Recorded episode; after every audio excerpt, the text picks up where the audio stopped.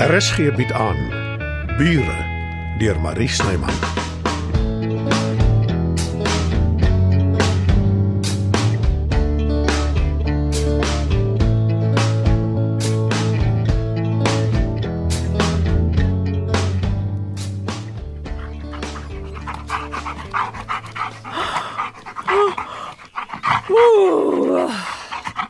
Wat is dit, Buxie?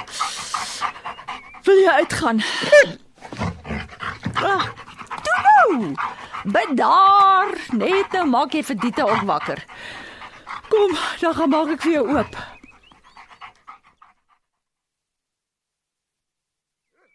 Matilda. Jammer Dita, ek het probeer om jou nie wakker te maak nie, maar jy weet hoe's Buxie, as hy wil uit, wil hy uit. Ag, is niks nie. Ek ken die ou diertjie mos al. Ek het ook maar 'n onrustige nagrus gehad. Die bietjie slaap wat ek wel ingekry het. Jy weet, ek ek lees nou die dag, as jy nie genoeg slaap nie, kan dit jou laat gewig aansit. Nie in 'n boek nie. Nou meen jy nie in 'n boek nie. O, o natuurlik, ek vergeet. Jy het 'n aksie teen sosiale media. Ah, daar gaan Albert se lig aan in sy pophuis. Ai, tog, hy het natuurlik ook wakker geword oor die hond so blaf. Buxie! Kom in. Buxie! Ag, jy kan ophou roep. Jou hond kuier alweer by Albert. Ek moet erken, ek sou ook as ek hy was. Die man het Om terug te keer tot die sosiale media. Ek sal nou nie so ver gaan om te sê ek het 'n aksie daarteenoor nie, maar ja, dit frustreer my dat elke Jan Rap en sy ma deesdae iets kan pos op Facebook of Twitter of Google en almal eet dit op vir soetkoek. Ek dink nie veel mense kom meer in 'n boekwinkel nie. Van 'n biblioteek praat ek nie eers nie. dinge het verander vandat ons kinders was en elke Saterdag biblioteek toe is. Kennis is nou makliker bekombaar. Laat ek eerder nie uitbrei nie. Sê my liewer wat maak dat jy sukkel om te slaap, Dita? Bekommernisse. Wat anders? Nie dat ek dit wil afmaak nie, maar is dinge nie juis besig om reg te kom vir jou nie? My huis ja. O, oh, en daarvoor is ek baie dankbaar, maar die res Sal ek vir ons koffie maak, dan vertel jy my wat pla jou.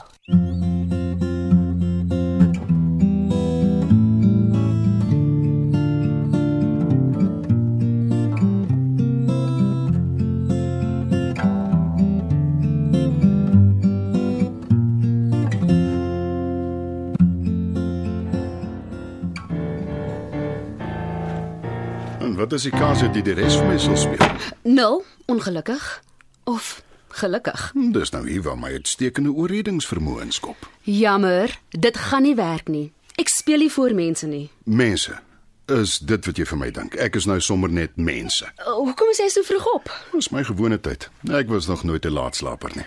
Die slaap ontwyk die sondige is of so iets. Daar is mos so 'n uitdrukking. Ek ken hom nie, maar ek neem aan jy bedoel ek en jy. Marlene, My ouma het my laat klavier neem. My oupa was baie musikaal. Imelda soos hy. Maar met my ek's bevrees dat dit 'n geslag oorgeslaan. en dis iets wat jy sommer self besluit het.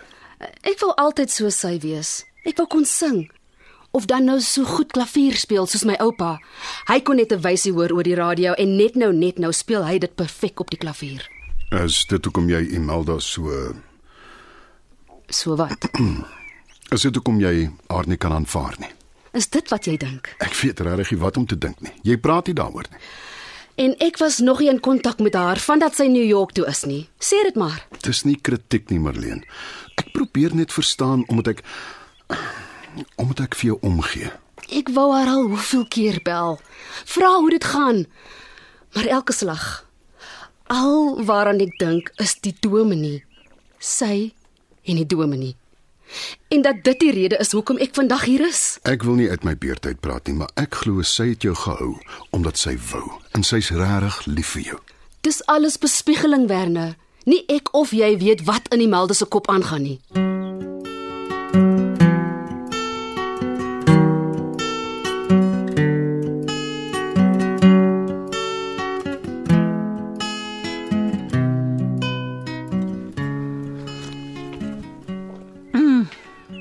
lekker.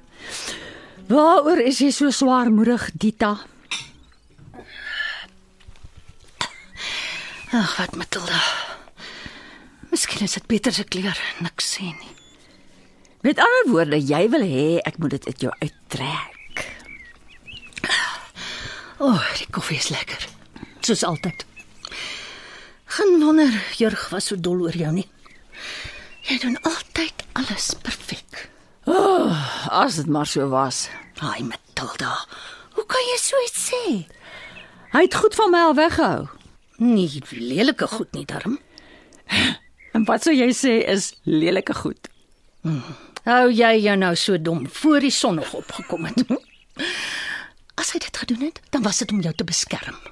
Jy dink dalk jy's so sterk, jy het dit nie nodig nie, maar hy het van Inteendeel, Dita, dis glad nie wat ek dink nie. Nou, Hoekom pla dit jou dan so Matilda? Ek sal nou nooit met hom daaroor kan praat nie. En ek het altyd alles met hom bespreek. Is dit nie maar hoe dit is wanneer iemand nie meer daar is nie? Ek dink baie keer nogal goed wat wat ek vir my mammie wil sê en sy's al jare lank weg. Jy is ook maar lekker skelm, hè? O, oh, ek skelm. Hoekom sê jy so? Ons was nog laas besig met jou ellendes. Toe swaai jy dit na my kant toe. Ag, is maar oor die TV-program. Ek wil ook nie heeltyd dieselfde dingetjie bly sing nie. Praat Dita, kry dit uit jou gestel. Jy weet ek luister altyd. Ek voel nie eintlik hê dit moet wees hoe mense my sien nie. So so hulpeloos. My huis brand af en en ek is te sleg om dit self reg te maak. Ag nee, regtig. Dis mos nou absolute nonsens. Al wat dit wys is jy kry hulp en daar is niks verkeerd daarmee nie. Dit sou nie met jou gebeur het nie. Dit gaan nie oor my nie, Dita. Om ander se hulp te aanvaar is iets waarmee ek sukkel. En dis nie 'n goeie eienskap nie. Buitendien, van watter mense praat jy? O, oh, vreemdes wat wat na die program kyk. En jy steur jou aan vreemdes? Ag nee, Dita. Wel Matilda, ek is nie so gelukkig soos jy nie. Ek het nog nie die regte man ontmoet nie. Waarvan praat jy? 'n Gawe, aantreklike man van my jare kyk dalk na die program en hy hou van wat hy sien, maar dan kry hy se bedenkinge oor ek so so niks werd is. Selfbejammering is 'n onaantreklike eienskap, Dita, veral as dit ongegrond is. Wat was dit? 'n Uil. Oh, ek wil kyk of ek dit kan sien. Daar het jy dit. Daar was so waar nog nooit een in my tuin nie. Dis 'n voorbode of liewer 'n bevestiging van wat voorlê. Ek kan niks sien nie. Maar uile is meesters in die kamoufleerkuns. Ek wonder watter soort dit is. Het jy gehoor wat ek sê, Matilda? Ja, Dita, maar ek verkies om nie daarop te reageer nie. My mamma het altyd gesê, as 'n uil eers naby jou roep, Ek het nie jou ma geken nie en ek wil nie sleg praat van haar nie, maar dis absolute bog, Dita. ja wel, jy seker geregtig op jou mening, al is dit afbreekend en nie waar nie. 'n Uil is 'n voël, soos 'n loerie of 'n vink of nee, ek wou sê 'n duif. Maar mens kan regtig nie 'n duif met 'n uil vergelyk nie. Ek het juis nou die dag gedink ek wil vir my 'n uilboks aanskaf. Dit lok hulle. Ooh, ek is nou so opgewonde ek kan iets oorkom. Gaan ook altyd net oor jou nie en die voëls in jou tuin. As jy nie die program wil doen nie omdat jy dalk een of ander moontlike va huweliksaansoek kan misloop, verduidelik dit so vir Werner en vir Albert. Jy dink ek is ondankbaar, nê? Nee. Wil jy hê ek moet hulle sê? Nadat ek spesiaal klere gekoop het en gremering. Gun jy my dan niks nie, Matilda? Uh, ek het gedink ek en jy is vriende, meer as vriende eintlik. Jy's my soos die, die suster wat ek nooit gehad het. Uh, ek gaan yoga doen. Miskien moet jy my wys hoe, dan doen ons dit saam. Liewerster nie. D dit sal my dalk help om my Klim terug in die bed, Dita, probeer nog slaap. Ek kan nie. Ek het te veel gedagtes in my kop. Jy weet nie hoe dit voel om Dis genoeg. Oor genoeg. Tel vir 'n verandering jou seëninge. Matilda. Doen die program of los dit. Maak nie as jy wil. Hou net op saan ek daaroor. Ja, Matilda. Mooi. Sal ek en jy later gaan inkopies doen? Sommer net so. Ja, ons loop 'n bietjie rond. Kyk wat is in die winkels, drink koffie erns. Mamma, ma, jy jy staan kwaad vir my. Dita, Dankie Matilda. Dit sal lekker wees. ons moet dit maar doen terwyl ons nog kan. Een van die dae is jy beroemd. Dan kan 'n mens dit nêrens heen waag in jou geselskap nie. Ja, nee. Kom hier. En dit nou? Ek is dol oor jou jou lawwe ding.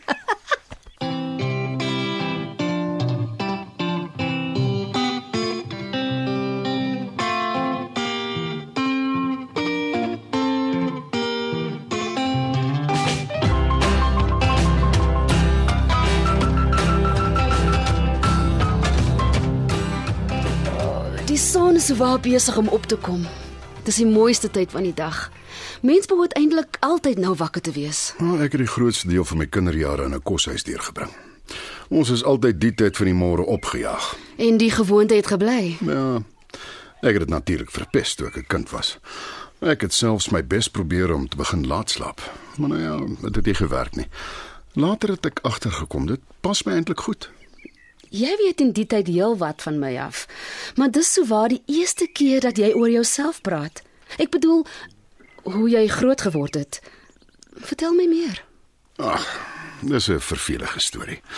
My ouers is geskei toe ek baie jonk was. Nie een van hulle wou my eintlik hê nie en dis hoekom ek in koshuise groot geword het. En waar was dit?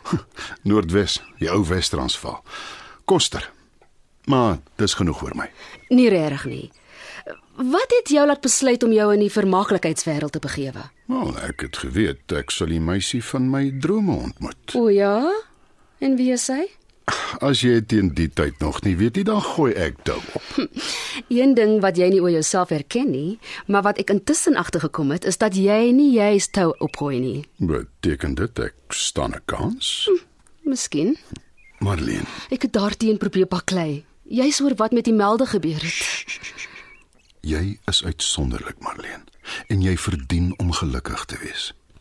Ek bly ek en jy ons het mekaar se paaie gekruis. Dis hoe ek gevoel het die heel eerste keer toe ek jou gesien het.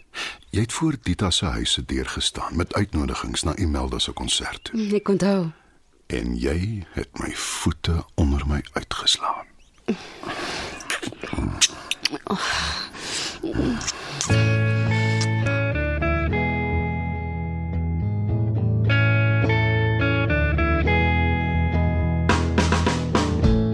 Dit was nog 'n episode van Bure.